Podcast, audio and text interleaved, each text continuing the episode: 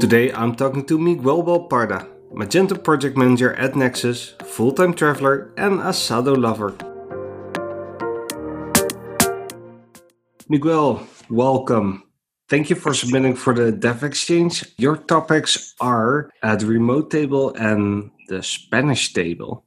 Um, yep. So remote, I think that is something we well, you took it to extremes. I've done a bit of remote, but you definitely went all out on the remote part. I think you you're never home. Tell me a bit about that.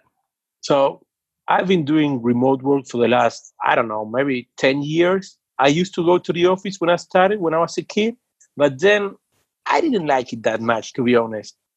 I do know this is not for everybody, but I don't like going to the office and like having people touch me to ask me stuff or like the small talk at the coffee machines that's the things i don't like. And i would rather be at home working like from a place where i feel comfortable trying to cook my own food like doing errands if i need to.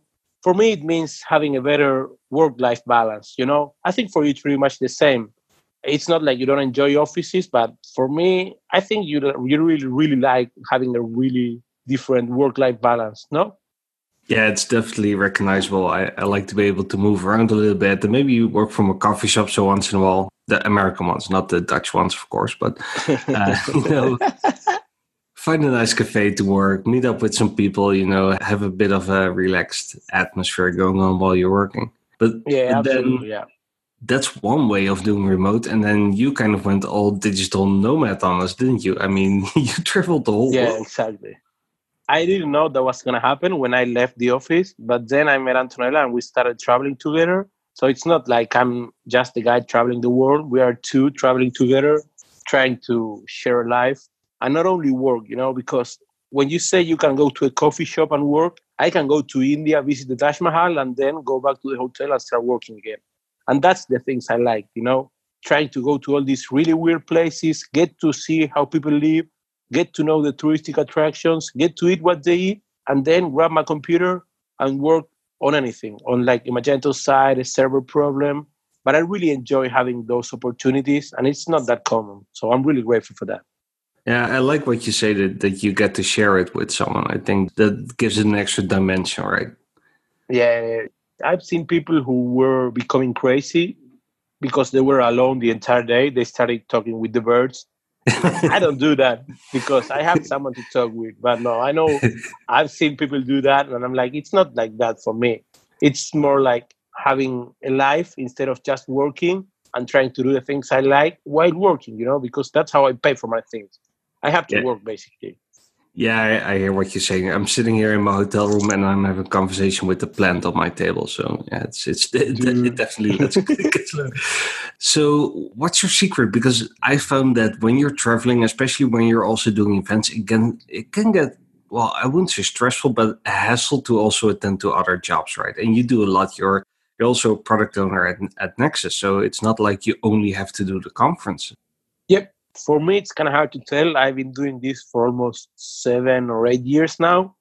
And if I have to tell you what not to do, is try to avoid hotels, for example, or try to fly overnight flights because that way you can maintain the same life you were having before the travels. Like, I don't like hotels or planes because they take away my time or like the feeling I have to be in control when you live in a hotel, you have to go outside and eat. You have to stay always in the same room. Or when you're in a plane, you don't have internet, so you have to watch a movie or do something with your time. And I would rather be doing anything else, to be honest. It's kind of hard because it might sound like I'm spoiled and I'm complaining, but sometimes I get tired and I'm like, okay, I'm not gonna travel anymore. But then a guy invites me to, I don't know, Japan, and I'll be like, sure, I really want to go to Japan. So it has to be a balance, and I'm still trying to find that. But it's I don't know. It really depends on the person. If you ask me, mm. like you and me, we like traveling, but I know people who doesn't really like traveling. You know, they would rather go to the office from nine to five and then leave and stay at their home watching TV. So it, it really depends on the person, if you ask me. Yeah, definitely true. But it's yeah. very interesting, and I, I get what you say. Like being in a hotel, having an Airbnb is much better, right? You have your own Absolutely. kitchen, you have your own place to stay. It's it's much more relaxed. And I think nobody. I don't know. Yeah. I don't know about you, but I really like going to the supermarket everywhere I go because I really like to see what people eat. And if I have an Airbnb with a kitchen, I don't care. I will cook anything. Like if it's pasta in Italy or like kebab in Morocco, I don't care. I want to cook that myself and see how it works, you know? Right, right. And find those crazy ingredients that, that you couldn't find anywhere else. Exactly. If you ask me, I would go to the Netherlands next week.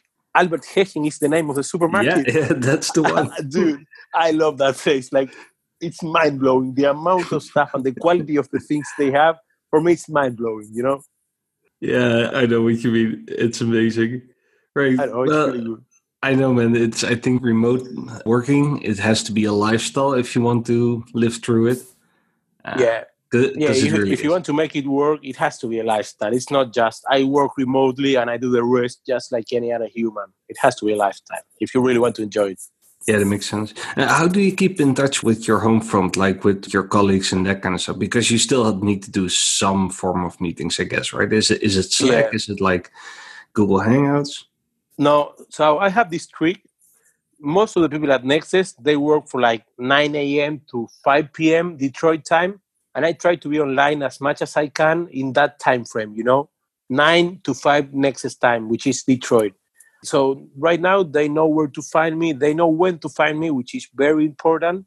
I avoid them pinging me on I don't know WhatsApp, Twitter, or outside the tools we use like Slack, mostly because they know where to find me. I've done this for the last five years and it worked me really, really well. Mostly because, yeah, they know where to find me. It's not like they have to ask themselves, hey, where's Miguel? Where's he? What time zone is he in? Or that kind of stuff. They just know as long as they are in Detroit time, I'll be there for them. And that right. worked me right. wonders. Right. So it's also part responsibility on your side to be there, to be transparent on where you are and what you're doing, right? Because exactly. yeah. At the end of the day, it's still a job. Yeah, absolutely. Yes. People don't understand that. People just think I'm traveling all the time, like going to the parties and talking to people at conferences. And I still have an eight hour job, you know. I right. still have to do things. I still have meetings on deliverables.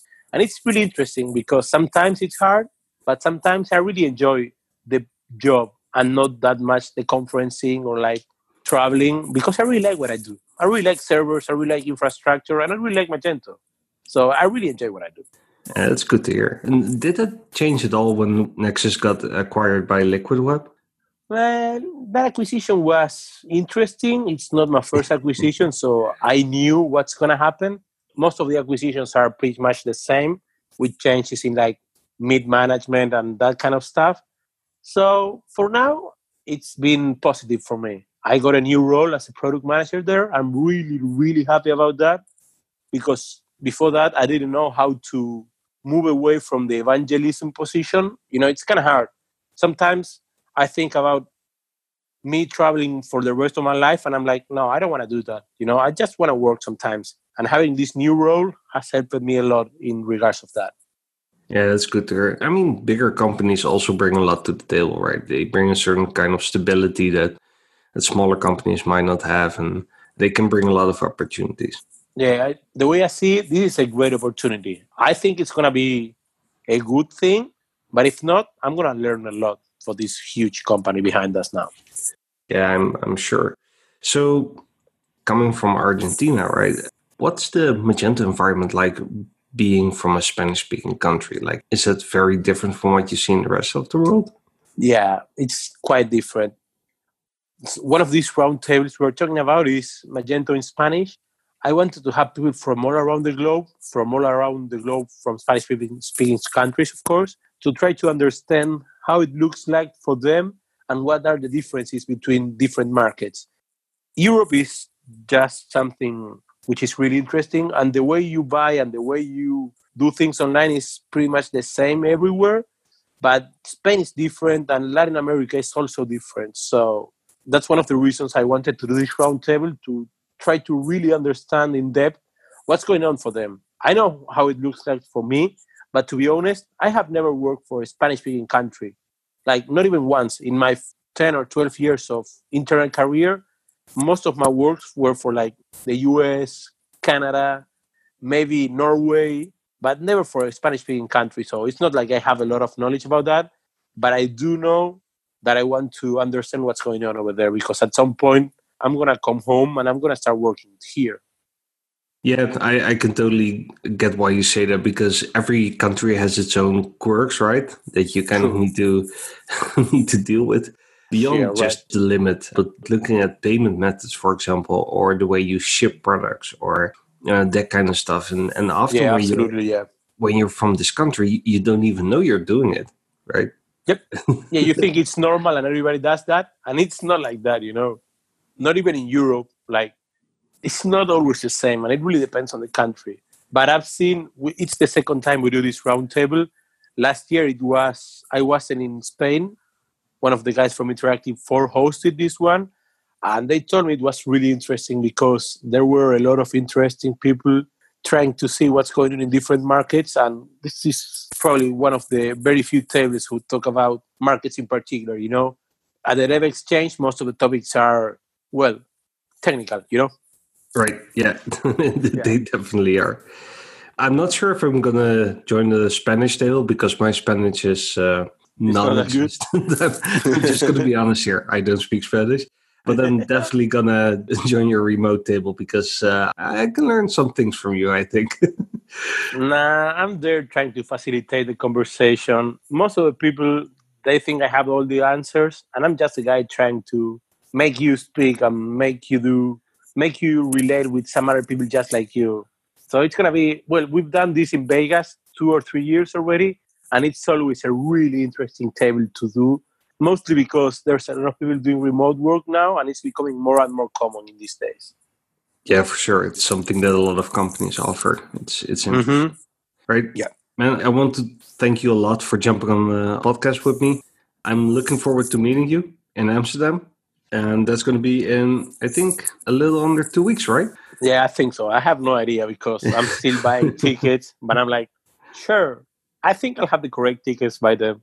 But now it's, it's going to be really nice. I really want to go to the Netherlands again because I haven't been there in like two years. And that's one of the countries I like the most. People ask me all the time where I would live, and that's going to be probably the Netherlands. I would take Rotterdam or like Utrecht or The Hague and go live there for sure.